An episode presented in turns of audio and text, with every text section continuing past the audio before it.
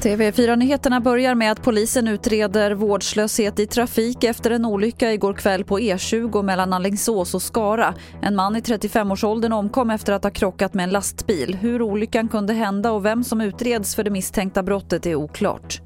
Två nya varianter av coronaviruset har hittats i England. De ska ha en del likheter med de mutationer som har upptäckts i Sydafrika och Brasilien och en av dem klassas som oroväckande enligt den brittiska regeringens viruskommitté. Men de säger också att de är säkra på att vaccinen biter på de nya varianterna.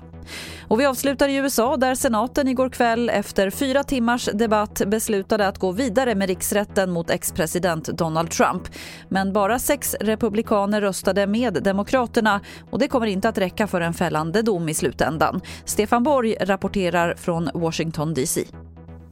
Ja, sex eh, republikaner, det är en mer än vid den förra omröstningen i samma fråga. Så att, eh, det har ju rört lite grann på sig. Och det är kanske så att det här kommer ju bli en rättegång väldigt mycket dominerad av videomaterial och den typen av bevisning. Och möjligen kan det göra intryck på fler senatorer att de byter sida. Men det är långt till 17 som behövs. Det var det senaste från TV4 Nyheterna. Jag heter Lotta Wall.